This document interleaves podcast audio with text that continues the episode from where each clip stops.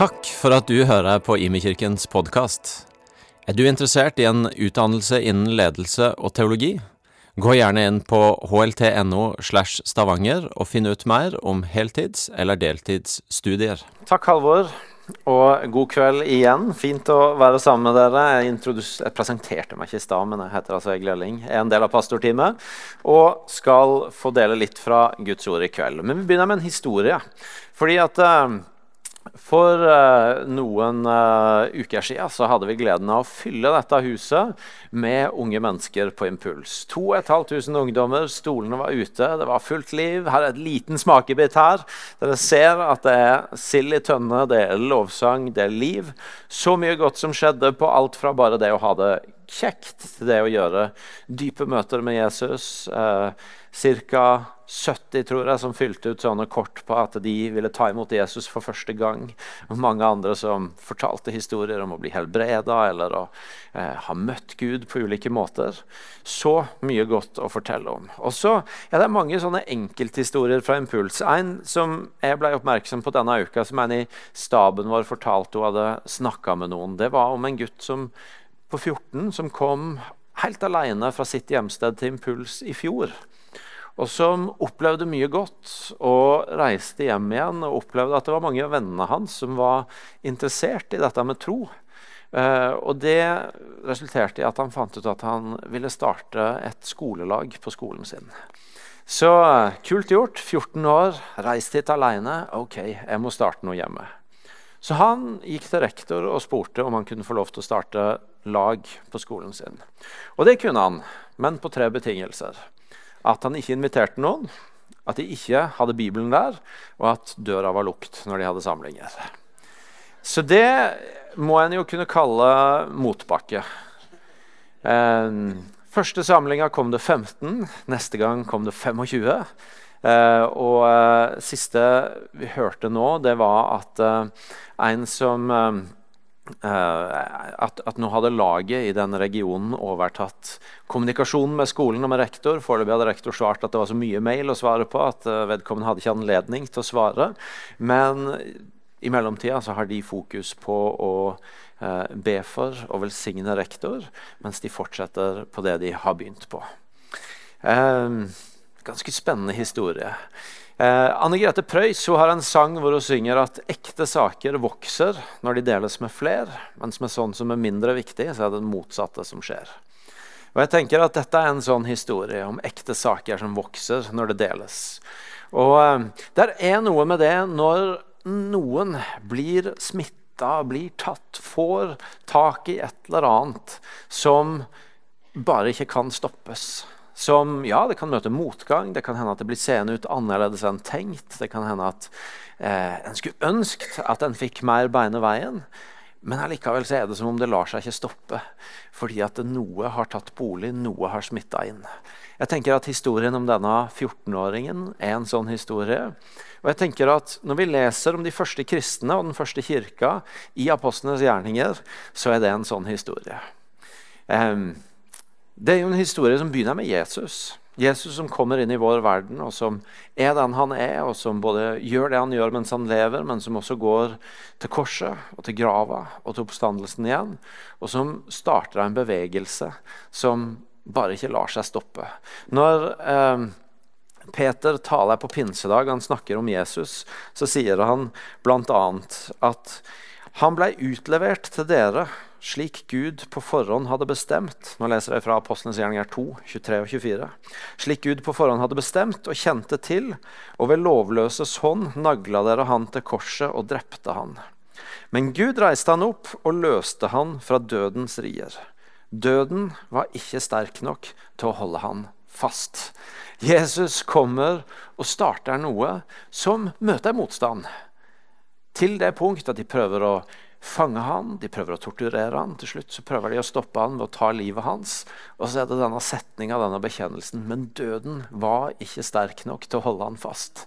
Det er akkurat som det Jesus kom med, det Jesus starta. Det var ustoppelig. Det gikk an, det kunne møte motstand, det kunne bli annerledes enn tenkt. Men det gikk ikke an å stoppe det. Og så er det denne historien om den første kirka. Da. Når Jesus har levd sin tjeneste. Han har gått til korset, han har vært i grava, han har stått opp igjen, og det nærmer seg at han skal tas opp til himmelen igjen. Så sier han i Apostlenes gjerninger 1,8.: Dere skal få kraft når Den hellige ånd kommer over dere, og dere skal være mine vitner i Jerusalem og hele Judea, i Samaria og helt til jordens ender. Dere skal ta med det som jeg har kommet med, og dere skal gi det videre. Rundt dere, i nærområdet, i regionen, i landet, men også helt til jordens ender. Og dere skal gjøre det når dere får kraft av Den hellige ånd. Et annet sted i Bibelen så står det at det er den samme krafta som reiste Jesus opp fra de døde, som bor i oss. Det er den krafta. Vent på den. Og når dere har fått Den hellige ånd, så skal dere ta dette ut til nært og til fjernt. Og Så kommer pinsedagen, og det står i starten av Apostlenes gjerninger 2 at da pinsedagen kom, var alle samla på ett sted. Og Plutselig lød det fra himmelen som når en kraftig vind blåser, og lyden fylte hele huset hvor de satt. Tunger som av ild viste seg for de og delte seg og satte seg på hver enkelt av de. Og Da blei de alle fylt av Den hellige ånd, og de begynte å tale på andre språk ettersom ånden ga de å forkynne. Vent til dere får Den hellige ånd, sier Jesus. Og de venter, og Den hellige ånd kommer, og den kommer ganske kraftig på dem. Der står om ildtunger, der står om kraftige lyder, og der står om at de får disse ulike språka som de trenger for å forkynne ordet til de ulike folkeslagene. Kom, går pinsedagen, og Peter taler, og vi hørte noe av det han sa om Jesus i det jeg leste i stad. Og så står det på slutten av den talen at, i vers 37 at da de hørte dette, så stakk det de i hjertet. Og de sa til Peter og de andre apostlene, hva skal vi gjøre, brødre? Og Peter svarte de, vend om og la dere døpe i Jesu Kristi navn, hver og en av dere, så dere kan få tilgivelse for syndene, og dere skal få Den hellige ånds gave. Når de møter budskapet om Jesus, så stikker det hjertet de sitt, sier de. De spør hva kan vi gjøre med dette. Vend om, bekjenn syndene, la dere døpe, og dere skal få ta imot det Jesus kom med, og dere skal få Den hellige ånd. Og Det står på slutten av det avsnittet de, to, de som tok imot budskapet, ble døpt, og den dagen ble det lagt til omkring 3000 mennesker. Det er starten på en bevegelse som over de neste kapitlene fortsetter å gå ikke nødvendigvis rett fram, ikke minste motstandsvei, men som allikevel er som om den ser ut til å ikke la seg stoppe. I kapittel 3 ser Peter og Johannes ut og går. De er på vei til, eh, eh, til tempelet og til tempelplassen. og Der sitter det en mann som, eh, som, er lam og som tigger. og Han håper nok på at når Peter og Johannes går forbi han, og, stopper, og de stopper, at, at, de skal gi han en pengegave. At de skal gi han noe han kan, kan livnære seg på. Og Så sier Peter disse ordene her at sølv eller gull, det har jeg ikke. Men det jeg har, det vil jeg gi deg.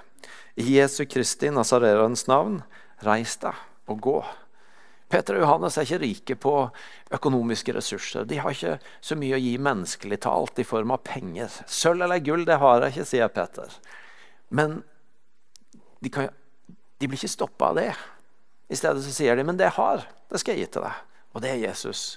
Og det er den kraften som jeg har fått av han ved hans ånd. Reis deg opp og gå.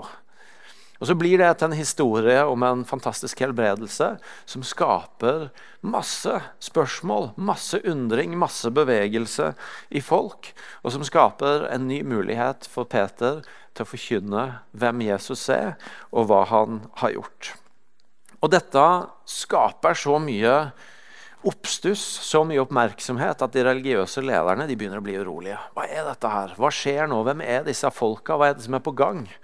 Og Der står i starten av kapittel 4 at de pågrep de når de underviste folk om Jesus, og satte de i fengsel. Men allikevel, fordi om folket ser at de blir stoppa i undervisninga, og, eh, og, de blir tatt i fengsel, så står det i kapittel 4, vers 4 Mange av de som hadde hørt budskapet, kom til tro, og tallet på menn var nå omkring 5000. Ja, de har ikke alt av ressurser. De blir de blir forsøkt stoppa med en fengsling, men det lar seg ikke stoppe. Det fortsetter å balle på seg. Og så kommer det en sånn samtale mellom disse religiøse lederne og Peter og en diskusjon som ender i at de prøver å true dem til å være stille. De, de, skjønner at vi kan ikke holde dem i fengsel, men de tenker vi må få dem til å slutte å snakke om Jesus. Og da, kapittel 4 vers 19, så svarer Peter og Johannes Døm sjøl om det er rett i Guds øyne å adlyde dere, dere mer enn han.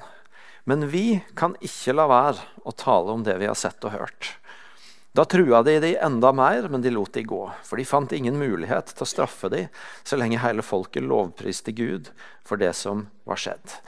De prøver å true de, og Petter og Johannes sier, 'Sorry, hører jeg hva dere sier, men vi kan ikke la være å snakke om det vi har sett og hørt.' Og de må på en måte resignere. De prøver en gang til, men de ser vi kan ikke gjøre så mye mer, for folket priser Gud for det som har skjedd for mannen som er blitt helbreda. Og Så står det hvordan de vender rett hjem til menigheten. De søker sammen i bønn. Og Der står at da de hadde bedt, skalv stedet der de var samla, og de ble alle fylt av Den hellige ånd og talte Guds ord med frimodighet. Og så kan vi fortsette. og Vi skal bare ta med oss noen få scener til, men jeg tror dere begynner å ta tegninga. Det, det lever, dette her som er starta med Jesus, med oppstandelsen, men også med pinsedag. Det på en måte lever, for det om det ikke går helt rett fram. Det kapittel 5 så står det i vers 17 igjen at da greip øverstepresten inn, og de pågreip eh, apostlene og kasta de i byfengselet. Og Denne gangen så er det en engel som kommer og setter de fri fra fengselet og sier at dere skal gå ut på torget igjen og forkynne om Jesus. Eh, så Enda en gang så lar det seg på en måte bare ikke stoppe. Og så, og så blir det en ny høring da om, om, hva de skal gjøre med disse folka, hva de skal gjøre med denne Jesusbevegelsen. Og, eh, og de, de, vurderer ulike ting, og de, de, vurderer fengsling og de vurderer straff. Eh, og, og, det står at de bestemte seg for å rydde de av veien. Men så er det en kar som heter Gamaliel, som, som ber de om å besinne seg, og som sier tenk dere nå om. Hvis dette er bare noe mennesker har funnet på, så kommer dette til å dø ut av seg sjøl. Men hvis det er av Gud, så bør vi kanskje være litt forsiktige for da står vi Gud imot. Og Så bestemmer de seg for å eh, holde på det. Eh, og det står at enda en gang så, prøv, så, lot de de piske, og de forbød de å tale Jesu navn, og de slapp de fri. Eh, og så står det i kapittel 5 vers 42.: Men de lot seg ikke stanse. Både i tempelet og hjemma underviste de dag etter dag, og de forkynte evangeliet om at Jesus er Messias. Jeg kunne fortsatt i kapitlene som kommer, men jeg tror dere får tak i poenget mitt. På den ene sida, de første kristne møter, er nok av motstand. Det er nok av ting, om det er at de mangler ting, eller om det er ytre motstand i form av eh, forsøk på å true de til stillhet, forsøk på å fengsle de, forsøk på å straffe de. Men det som har tatt bolig i de, det som har smitta de, det lar seg på et vis bare ikke stoppe. Det lever videre. Og På mange måter så er det historia om kirka ikke bare i apostlenes gjerninger, men om kirka fra da av og fram til nå. Historien om kirka er på ingen måte det amerikanerne kaller for en sånn historie om up and to the right. En sånn graf som bare går sånn rett opp. Alt går på skinner rett fram. Det har vært nok av greier med kirka fra starten av og til den dag i dag. Interne ting. Ja, mange ganger så har ikke kirka trengt ytre fiender, for den har hatt gjort nok av ting for å rote det til for seg sjøl. Indre stridigheter og splittelser. Ledere som tabber seg ut og faller, enten moralsk eller på andre måter. Mangel på evne til å, til å se ut og til å åpne og gjøre evangeliet relevant for verden rundt. Og så videre og så videre. Og andre ganger så er det ting utafra som har pressa imot.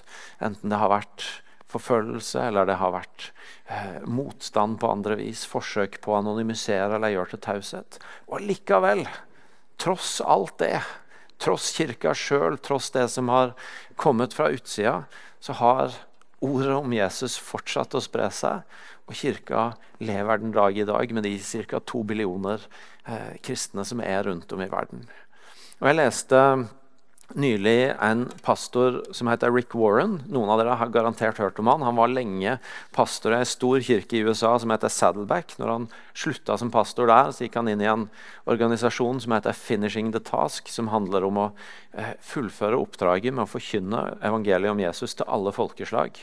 Og Han har skrevet en artikkel hvor han skriver at kirka krymper ikke. De som lever i den nordlige del av verden, kan kanskje se seg rundt og tenke at kristendom er, kristen tro er i tilbakegang. Men den oppmuntrende realiteten at det er ikke sant. Kirka krymper ikke, men den endrer seg. Eh, i, de, I, tusen år så var senter for kristen tro i den nordlige delen av verden. De fleste kristne fantes i Europa, i Nord-Amerika. Men nå er ikke det sånn lenger. Det har skifta.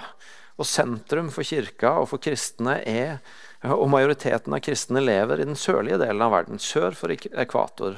Og den vokser. Du kan høre eh, vestlige folk si sånne ting som at vi lever i en postkristen tid. Men det viser veldig tydelig at en ser verden fra sin eget ståsted. Eh, hvis du sier det til en i sør, så er det rett og slett bare tull. Og så sier han la meg gi deg noen fakta om kristen tro sin vekst. Siden år 2000 så har verdens befolkning vokst omtrent 1 i året. I den samme tida så har Den kristne kirke vokst med ca. 2% i året. Hva betyr det? Det betyr at kirka vokser 100% raskere enn befolkninga. I noen land, som i Europa og Nord-Amerika, så kan det føles som om kristen tro er i tilbakegang, eller i det minste har stagnert eller nådd et platå men den eksploderer på steder som i Sør-Amerika, Afrika og deler av Asia. Poenget er denne bevegelsen. Den lever videre. Den vokser. Kirka går fram. Guds rike går fram. Og vi her i vesle Imi-kirka, i lille Stavanger, langt, helt langt nord, langt utafor det sentrumet han snakker om, vi er så heldige at vi får lov til å være en del av den bevegelsen. Jeg tenker at eh, Som kirke så er vi litt sånn som det jeg snakka om nå med den lange historien om kirka. Hvis jeg tar av meg pastorhatten og bare tenker at det er en del av IMI, så tenker jeg at det er mange ting jeg er kjempetakknemlig for med å få være en del av denne kirka. Og Samtidig så sitter vi sikkert i denne salen med alle våre sånne tanker jeg håper de fleste her har noe de kan være takknemlige for med kirka si. Og så sitter vi sikkert samtidig alle med hver våre tanker om ting som vi tenker at ah, det kunne vi vært litt mer i hakk med, eller det kunne vært litt annerledes. Eller jeg skulle ønske vi fikk det der litt bedre til. Vi lever i den dobbeltheten som kirke, vi òg. Og allikevel så får vi lov til å tenke at vi er en del av den store bevegelsen som Guds rike er i denne verden, og som ikke er rett fram og up and to the right, men som allikevel er umulig å stoppe. At evangeliet går videre, at nye mennesker berøres, at kristen tro brer om seg. For et par uker siden var jeg i Asia, i Malaysia, på noe som heter Agenda 1 Summit. For 15 år siden i år så starta Agenda 1 her på huset. Et menighetsnettverk som har vokst ut fra vår kirke, og som i løpet av de 15 åra har spredt seg til over 20 land. Agenda 1 er enkelt sagt et menighetsnettverk som jobber for å hjelpe kirker til å fokusere på å gjøre disipler og på å vende seg ut i misjon. På å hjelpe kirker til å ikke bli innadvendte, til å ikke bli nok, få nok med seg sjøl. Til å ikke bare levere kristne tjenester, men til å utruste disipler som tar evangeliet ut i omgivelsene sine. Og Det begynte med en liten gjeng norske menigheter her for 15 år siden. Og siden har det altså spredt seg til over 20 land. Og det er så mye spennende som skjer. Jeg fikk sitte der med ledere fra 14 nasjoner. Jeg tror dere ser et bilde av eh, ei av de fra Nepal som en representant. Ei dame som kom til en landsby i Nepal som tok så fiendtlig imot henne men som allikevel blei stående i det. Det var på ingen måte rett fram for henne. Og i dag så tror 90 av landsbyen hennes på Jesus. Og I den forsamlinga var det så mange sånne dobbeltheter. Og som dere har møtt i dag med Sasha og Luda òg. Som på den ene sida Det er ikke vanskelig å finne smerten hos dem. det som er vanskelig, det som ikke er rett fram, enten det nå er regelrett forfølgelse, det er mangel på ressurser, det er smerte i egen familie og liv. Og samtidig som det lever der, så er det ikke vanskelig å høre historiene de forteller om at mennesker kommer til tro, eller at de ser Guds rike gå fram, eller at de ser åpne dører for å gjøre Jesus synlig i sine byer og sine land. Og Det får vi være en del av her hjemme gjennom Agenda 1, men også på andre måter. Eller la meg først si om Agenda 1. Til tross for 15 år og 20 land, så ser vi at det fortsetter å vokse. Bare denne uka så satt vi og snakka om noen åpne dører inn i land i Sentral-Asia som vi av sånn sikkerhetsmessig hensyn ikke har lov til å si navnet ut på, men som der er åpen dør for at noen ønsker å ta med seg Agenda 1 inn for å utruste kristne og kirker der. Og Samtidig de misjonslandene vi særlig fokuserer på, Kambodsja, Thailand og Albania, så er det så mye spennende som skjer. Denne uka så fortalte Terje meg at samtidig som, som vi hører det vi hører om Impuls her hjemme, Impuls i Kambodsja i 2023, så var begge konferansene utsolgt. Og på det meste så fulgte 15 000 ungdommer Impuls online eh, når det foregikk. Det er ganske heftig. Og så er jeg født ut herfra, vår lille, lille virksomhet på Sør-Vestlandet, får lov til å være en del av en så mye større bevegelse. Og Noe av det vi ser, det er at det som for oss her hjemme kan være litt sånn selvfølgelig, ting som vi bare holder på med, har holdt på med mye i IMI, men som når vi får lov til å ta det ut til andre steder, så er det som kanskje er litt sånn selvsagt for oss, har en kjempehøy verdi. Vi er liksom blitt vant til vi at, at vi driver med til leie-oss-kurs her, f.eks. Men når noen tar med seg det ut til et annet sted, så sier de wow, dette er jo kjempeviktig. Vi er blitt vant til at vi snakker mye om det å høre Guds stemme og profetier. og sånn, Men når, når Norun sist høst var på tur til et annet sted i Norge og holdt profetikurset, så sier de wow, dette er jo fantastisk. Ting som er litt gitt for oss, men som har en så høy verdi andre steder. Men så er det ikke sånn at det bare liksom lever der ute. Vi, vi er jo ei kirke her i Stavanger, og vi får oppleve at gode ting skjer her. Og En av de tingene som vi jevnlig feirer, og som vi er så glad for, det er det som skjer blant ungdommene våre. Og Nå skal dere få møte en av de nydelige lederne som er i Join. Han heter Alexander. Og når han først tar turen fram her for å dele, så må dere gi han litt drahjelp med en skikkelig applaus.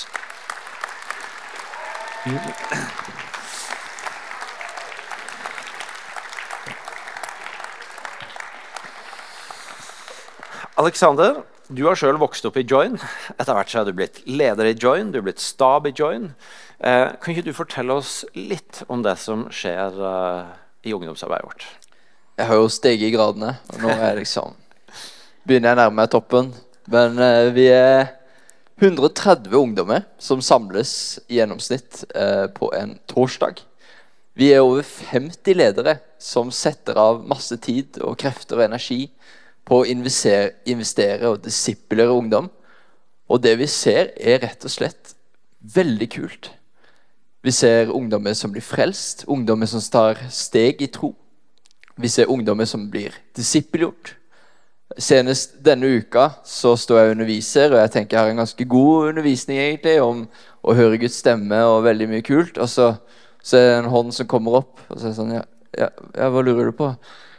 Når er det vi kan fortelle vitnesbyrd? Det er mange som har en del vitnesbyrd her. Kan vi ta vitnesbyrd nå?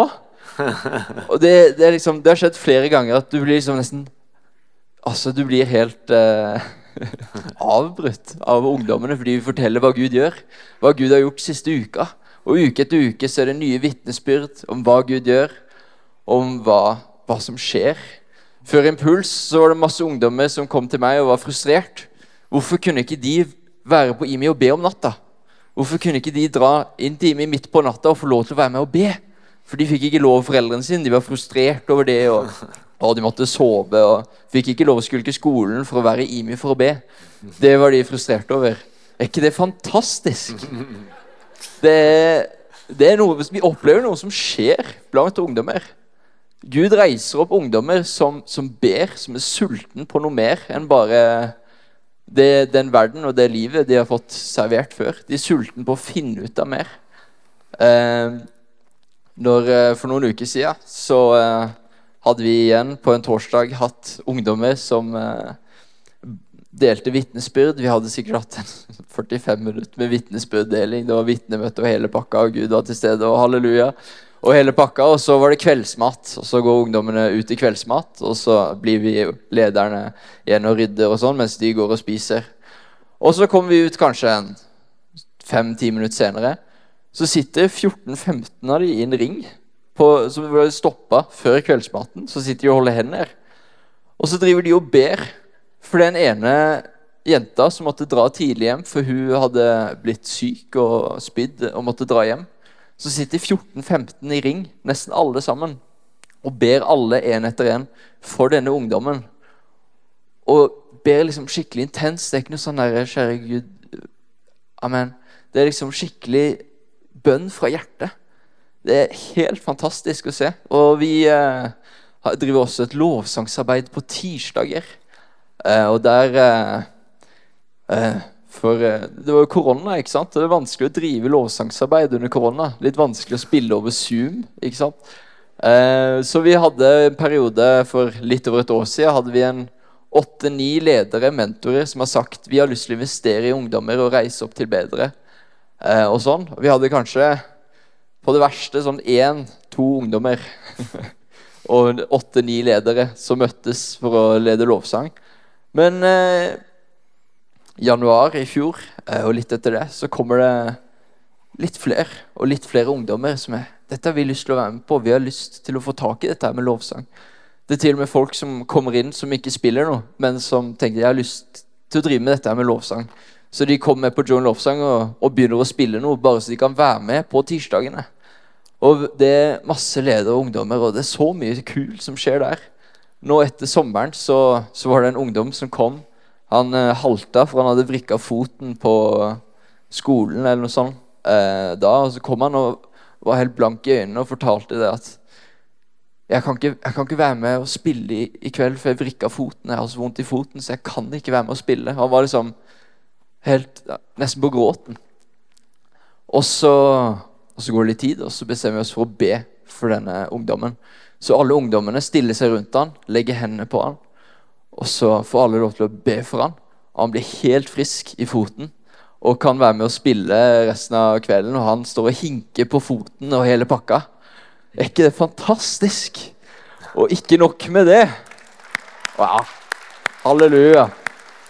Og ikke nok med det. Mens vi ber, så er det masse ungdommer rundt som setter ord på at når de ba, så bare opplevde de et skikkelig sterkt gudsnærvær. De opplevde at de kjente Gud på innsida, at de ble møtt av Gud. At de kjente, kjente, på ting de ikke hadde kjent på før.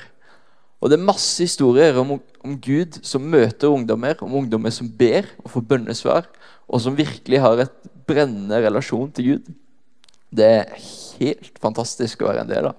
Og dette tror jeg bare er starten på noe enda større. Mm. Så halleluja. Wow. Fantastisk. Du, ja Takk for det du deler, Aleksander, men også tusen takk. Det å ha over 50 ledere som du eh, for ungdommene våre, utrolig nydelig. Takk for jobben dere gjør, og takk for at du deler.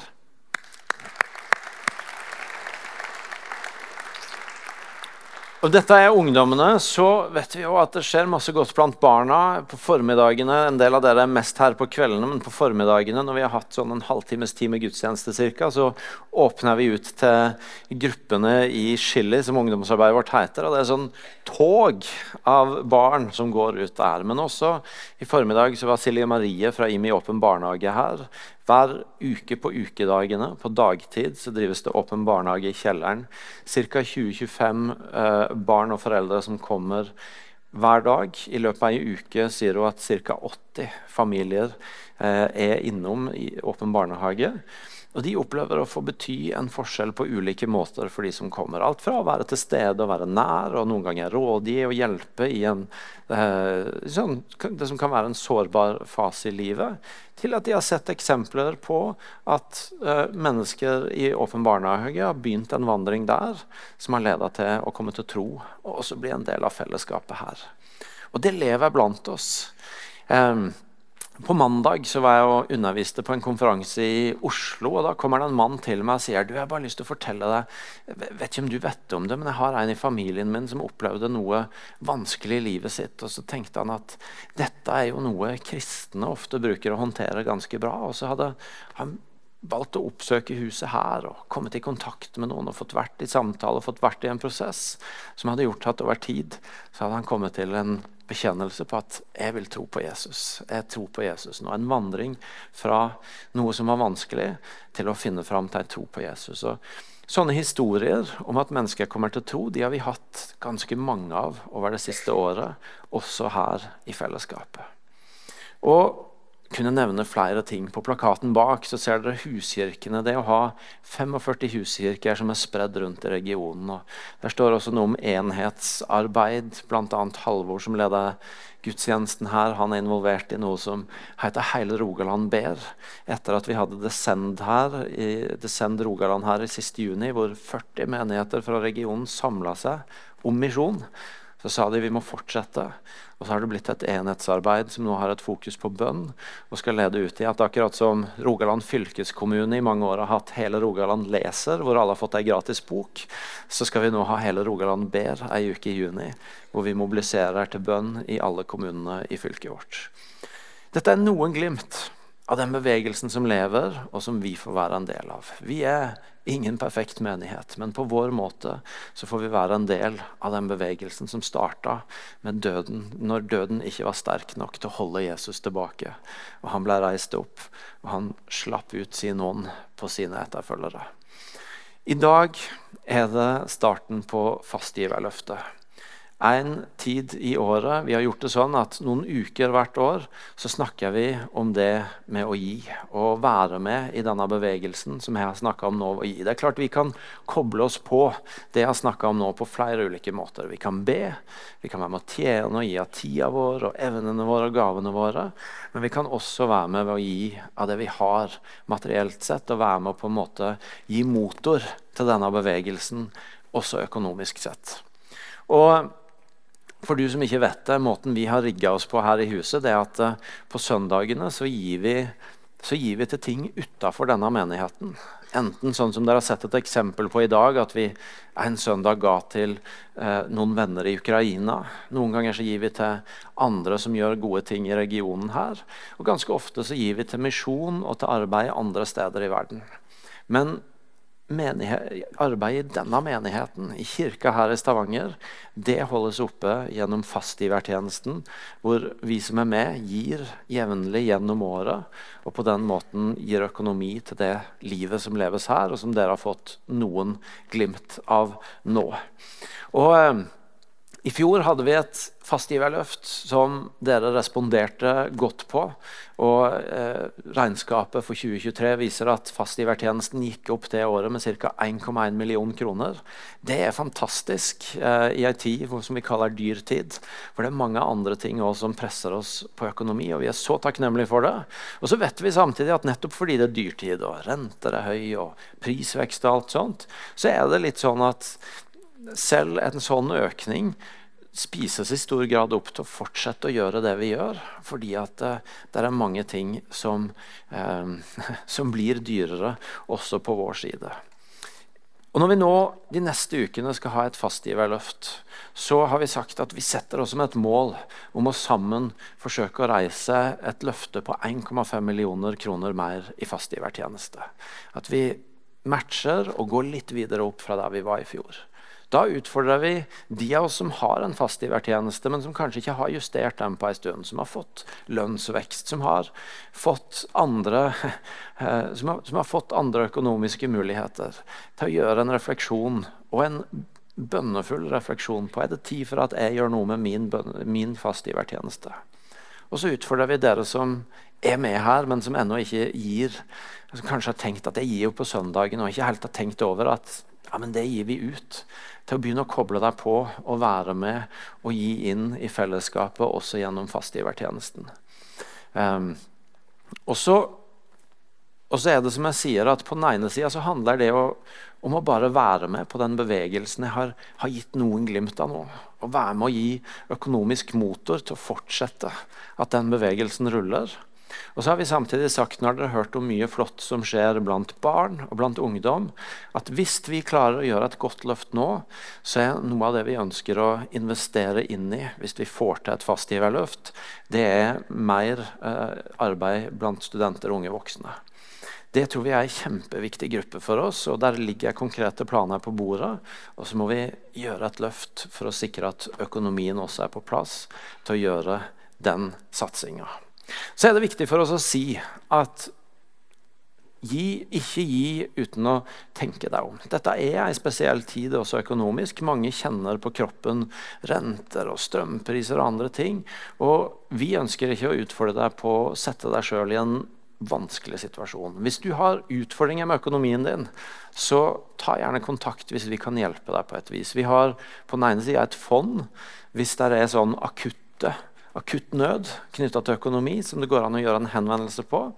Og vi vil også gjerne være med å hjelpe hvis det er snakk om å, om å få hjelp til å rydde opp i ting som har med økonomien din å gjøre. Men samtidig som det er tilfellet, så vet vi at det er også mange av oss som jeg sier, som har økonomi, og som har gjerne hatt lønnsvekst, og som har mulighet til å spørre oss sjøl er det tid for meg til å gjøre et løft fastgivertjenesten, enten det er å begynne eller det er å løfte den videre.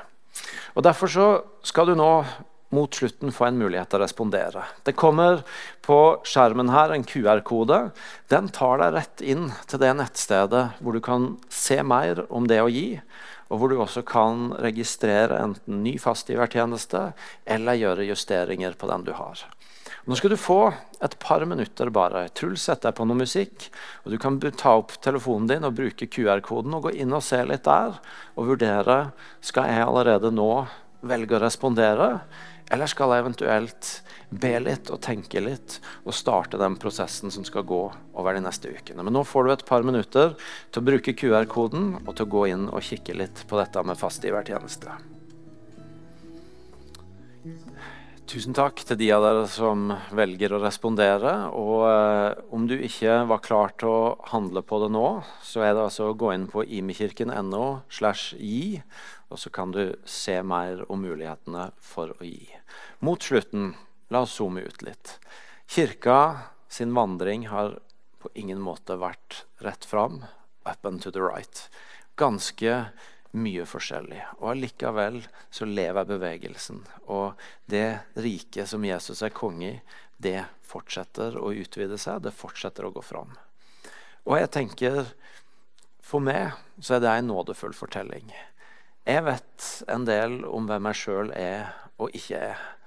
Og jeg tenker wow, Jesus, du er god, som lar meg, med den jeg er på godt og vondt, få være en del av den bevegelsen.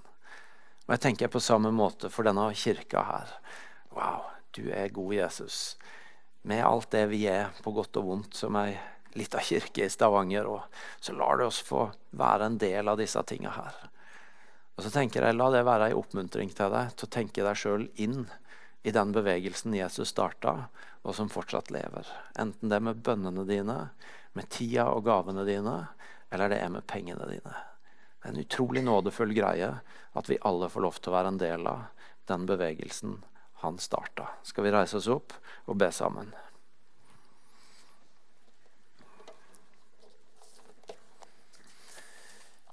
Kjære Jesus, takk for at du er den du er. Takk for det du starta. Og takk for at det forvandla liv da, og det forvandla liv nå. Takk for at døden ikke var sterk nok til å holde deg tilbake.